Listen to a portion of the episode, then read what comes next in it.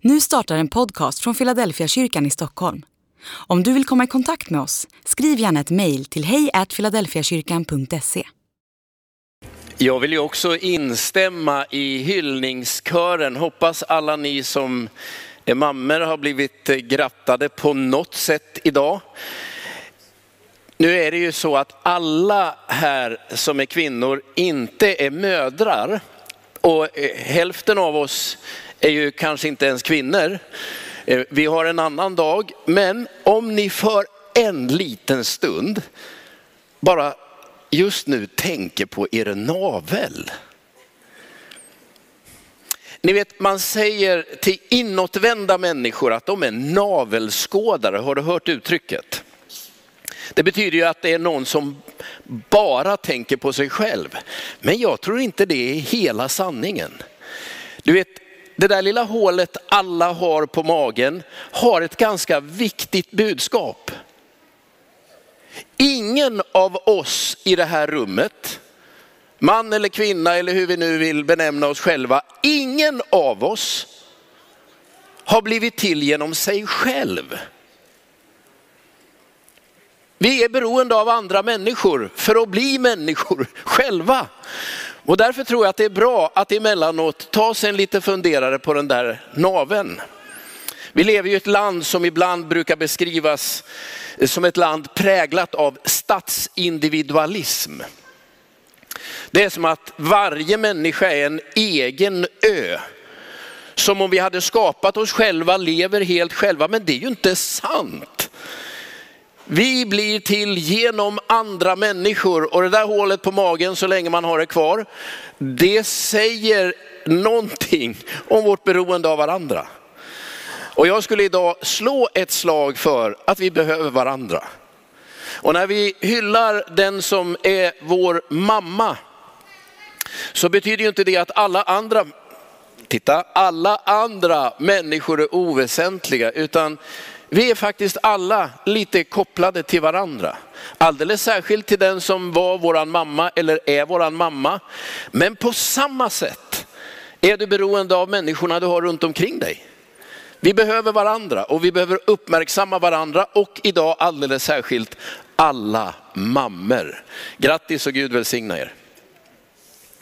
Hörrni, vi börjar en ny serie idag, fyra söndagar kommer vi tala över Jesus är, och så har vi satt punkt, punkt, punkt. Och tänker att vi tar några av de karaktärsdrag som kännetecknar Jesus. Vi brukar ju säga att vi är kristna, det brukar jag säga om mig själv. Och det betyder att jag har hämtat namnet på min trosföreställning från en person, Jesus Kristus. Läser man i Apostlagärningarna så kommer man till kapitel 11 och till en plats som heter Antiochia som ligger i dagens Syrien. Och det var där man först började kalla de som följde Jesus för kristna. Och det betyder ju egentligen någon sorts mini-Kristus. Det vill säga att jag som ju är en vanlig människa ändå har en förhoppning om att det som kännetecknade Jesus också ska prägla mig. Det är naturligtvis inte fullt möjligt att bli likadan, men det som kännetecknar Jesus, tänk om det kunde färga av sig lite mer på mig. Det är egentligen det som är en grundläggande drivkraft i tron. Jag, blir, jag vill vara en Jesu efterföljare. Jag sa ju att vi lever i ett land som kännetecknas av den svenska statsindividualismen. Och om man nu inte är svensk från födelse eller har tagit sig igenom svensk skola, utan kommer från en annan kultur, då är Sverige ett av de konstigaste länderna i världen. För vi försöker leva som att vi inte behöver varandra.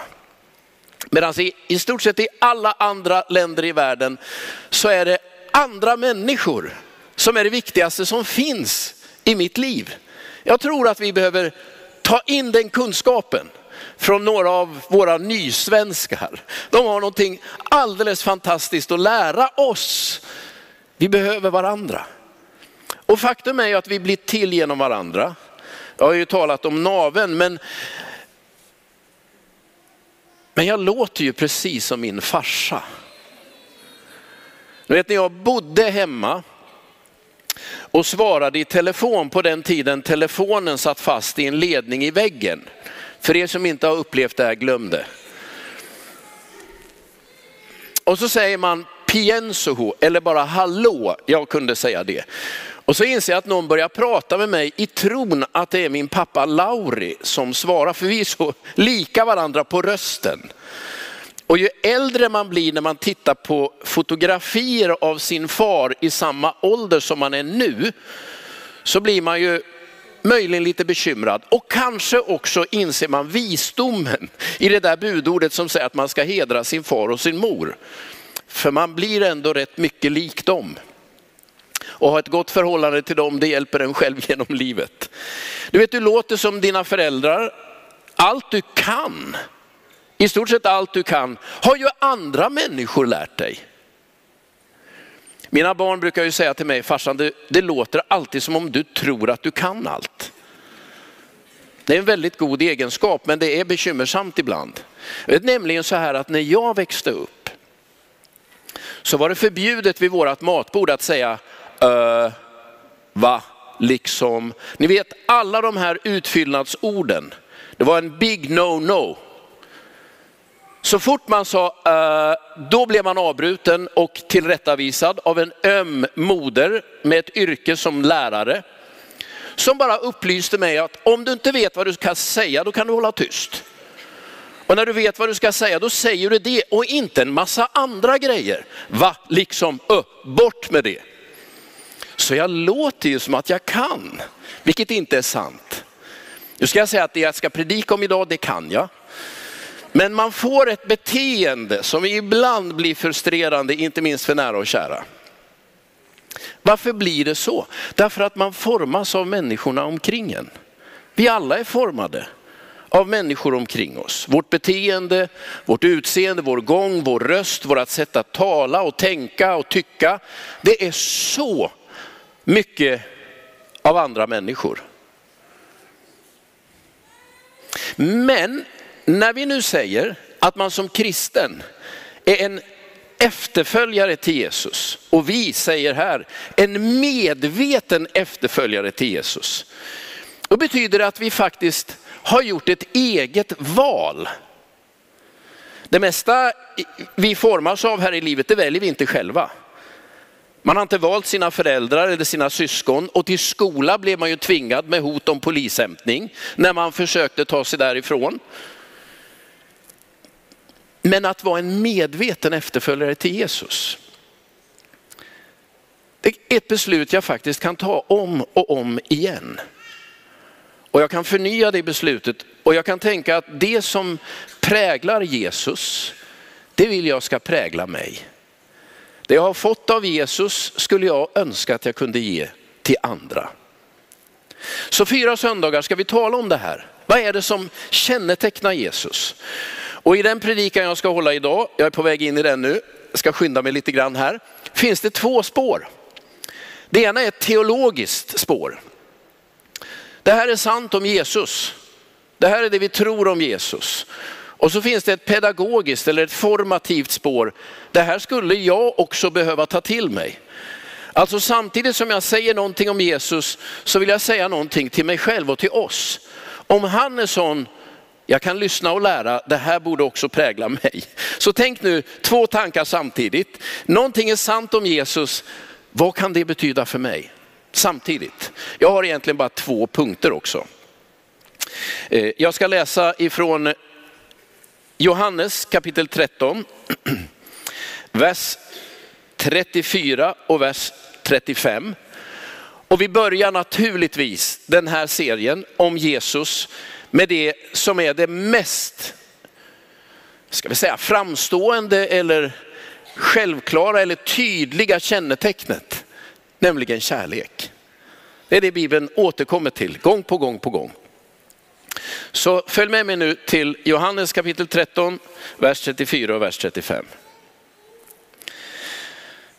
Ett nytt bud ger jag er.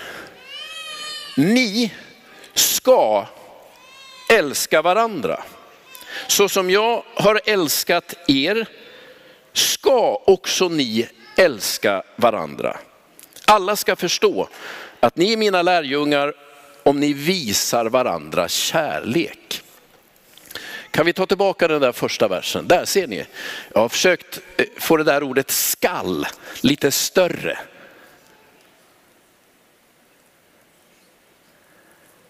Kan man befalla någon att älska? Ni ska älska.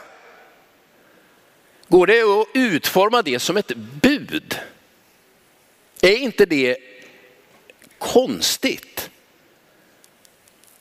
Kan jag kräva att du ska älska honom eller henne? Det känns direkt att det där skaver lite grann. Ni ska älska varandra. Ja, men det är inte så lätt. Jag känner mig provocerad. Känslomässigt så har jag inga varma, omfamnande känslor. Jag blir bara störd. Ni vet. Och så säger Jesus, nej, nu ska ni älska varandra. Två gånger dessutom.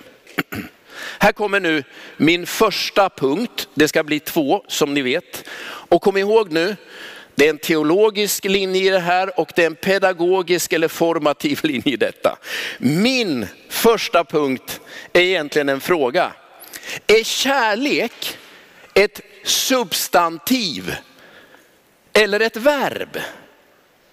Tillbaka nu till min ömma moder. Grattis mamma på mors dag. Detta lärde jag mig.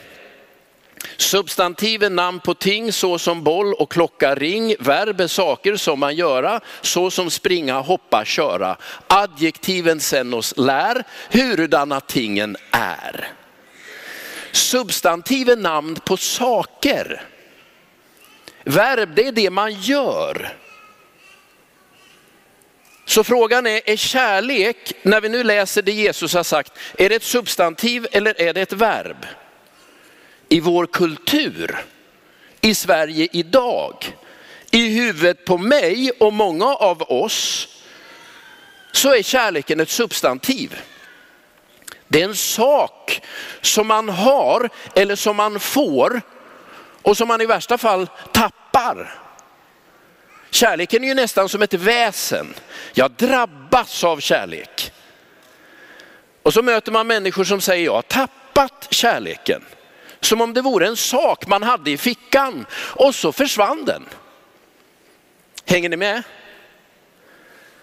Om kärlek är ett substantiv då är det omöjligt att kommendera. Ni ska älska, men jag har inte kärleken. Jag har letat överallt, ingen kärlek här. Känns inte så, jag hittar den inte. Kärleken tar slut, försvinner eller också kommer den. Det är ju det här som alla sånger i stort sett handlar om, de flesta romantiska filmer beskriver.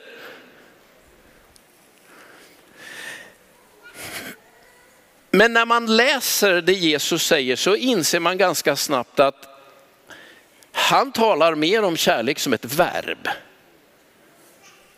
Det är ett handlingsmönster, det är ett beteende. Det är ett sätt att förhålla sig till andra människor. Att agera kärleksfullt. Strunt i vad du känner. När du hör ordet kärlek då tänker du på någonting som är varmt och får hjärtat att bulta, som jagar, ni vet alla de här eh, eh goda endorfinerna i rätt i, i, ut i systemet. Men när Jesus talar om kärlek så beskriver han ju mycket mer ett sätt att göra saker. Lyssna på det här. Matteus kapitel 5, vers 43. Ni har hört att det blev sagt, du ska älska din nästa och hata din fiende. Men jag säger er, älska era fiender och be för dem som förföljer er. Då blir ni er himmelske faders söner. Ty han låter sin sol gå upp över onda och goda och låter det regna över rättfärdiga och orättfärdiga. Vad är det här för beskrivning? Jo, det är en beskrivning av en Gud som handlar med samma generositet och omsorg mot både onda och goda. Nu sitter någon av er och tänker, men jag hoppas Gud låter det regna extra mycket över honom. Och solen lyser över mig. Men Jesus säger, så agerar inte Gud. Utan inbyggt i Guds väsen finns en sorts kod som Bibeln beskriver som kärlek. Bibeln säger ju faktiskt att Gud är kärlek. Han låter sin sol lysa över både ond och god och han låter regnet falla över både ond och god. Och vad är slutsatsen? Gör likadant. Och här är det ju alldeles konkret, be för dem som förföljer dig. Det finns ett antal bibelord som pekar i samma riktning. Paulus säger, och nu har jag inte tagit med dem här, nu får ni bara lita på att jag kan. Jag sa ju att det låter så, men i det här fallet är det sant. I Romarbrevet kapitel 12 säger Paulus, om din fiende är hungrig genom att äta, om han är törstig ge honom att dricka. Vad innebär det? Det är att handla kärleksfullt. Det vill säga kärlek, när Jesus säger ni ska älska varandra, är inte så mycket inriktat på att det känns, utan handlar mycket mer om vad du gör. Så att vara kärleksfull är att låta solen gå upp över både ond och god och låta det regna över både ond och god. Eftersom vi bor här så tycker vi, att, eller åtminstone jag, att regn är bekymmersamt. Men du får tänka dig i ett ökenklimat bland jordbrukare, att både regnet och solen är nödvändiga faktorer för skörden. Och Gud är avsändare av båda och låter det komma lika till både ond och god. Och så säger Jesus, det där borde känneteckna er. Av alla berättelser som har kommit ifrån kriget i Ukraina, alla förfärliga berättelser, så finns det också några glimtar av exakt detta. När den lilla pingsförsamlingen i Mariupol, ni vet staden som ju nu är bombad till grus, förstod att de ryska angriparna saknade mat och vatten. Då gick man ut och gav fienden mat och vatten. Behövde man? Nej. Men eftersom man var kodad som efterföljare till Jesus Kristus och tänker tanken, vad skulle han ha gjort? Och vad är det han säger att vi bör göra? Och hur agerade han? Så blev det helt självklart. Om fienden är törstig, då ger vi vatten. Om fienden är hungrig, då ger vi mat. Var kommer detta från? Från Jesus själv. Detta är Guds väsen. Detta är den Gud vi tror på som har uppenbarat sig i Jesus Kristus. Vad betyder det för mig? Ta med dig den. Det mest kända bibelordet av alla, Johannes 3 och 16. Det tror jag nog vi ska läsa tillsammans högt. Är ni med? Så älskade Gud världen att han gav den sin enda son för att de som tror på honom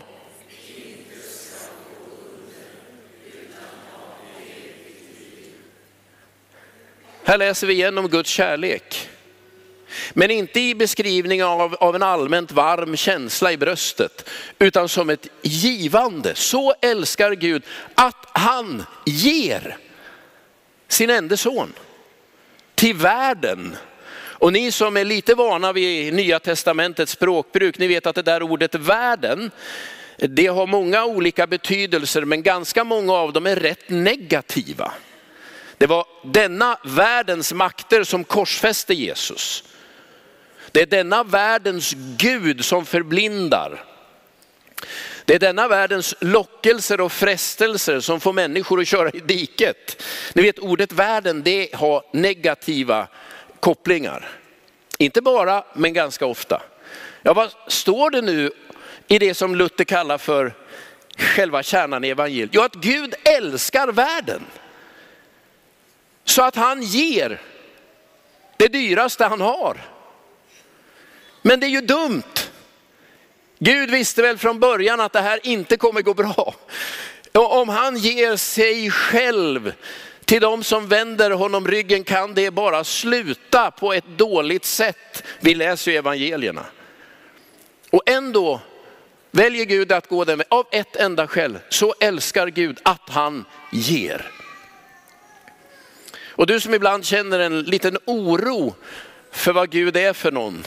Om Gud finns, en högre makt eller kraft. Är det någon att lita på, någon att luta sig mot, då kan du bara gå hit. Och till det som är Nya Testamentets mest kända bibelvers. Vad säger den? Gud ger sig själv till de som är fiender. Men det är ju inte klokt. Nej, men det är kärlek i nytestamentlig mening. Ni ska älska varandra som jag har älskat.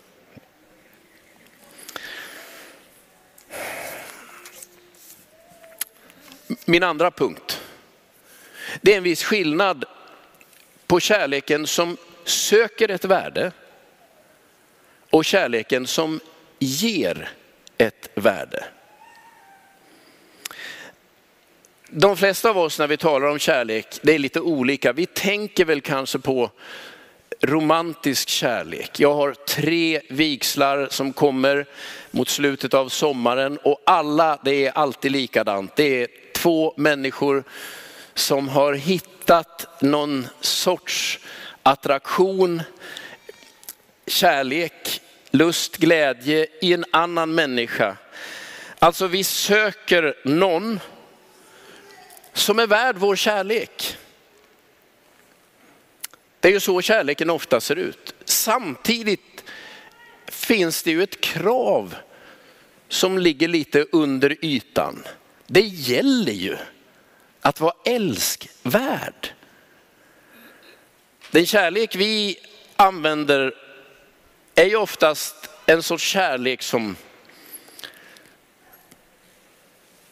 som söker efter något som är värt att älska. Vänner vi har är de vi tycker om, eller hur? Som ger oss någonting tillbaka. Men när Bibeln talar om Guds kärlek så låter det lite annorlunda. Guds kärlek söker inte ett värde. Tvärtom är Guds kärlek något som ger ett värde.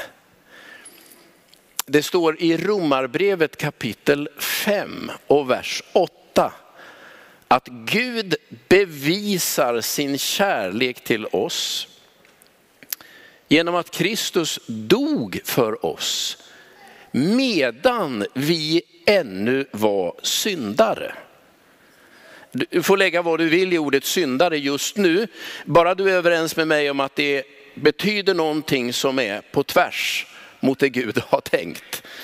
Gud bevisar sin kärlek till oss genom att Jesus dör för oss medan vi ännu är syndare. Alltså inte innan eller efter att vi har omvänt oss, utan innan vi har omvänt oss.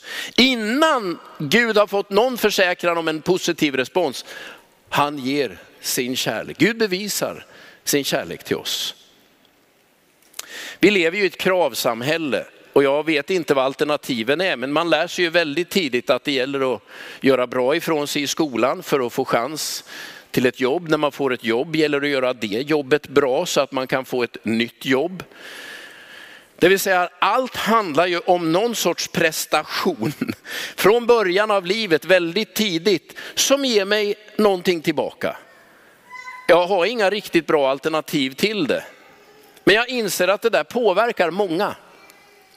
Hela livet handlar om att möta ställda krav. Och som förälder så är det ju det man försöker hjälpa sina barn att förstå.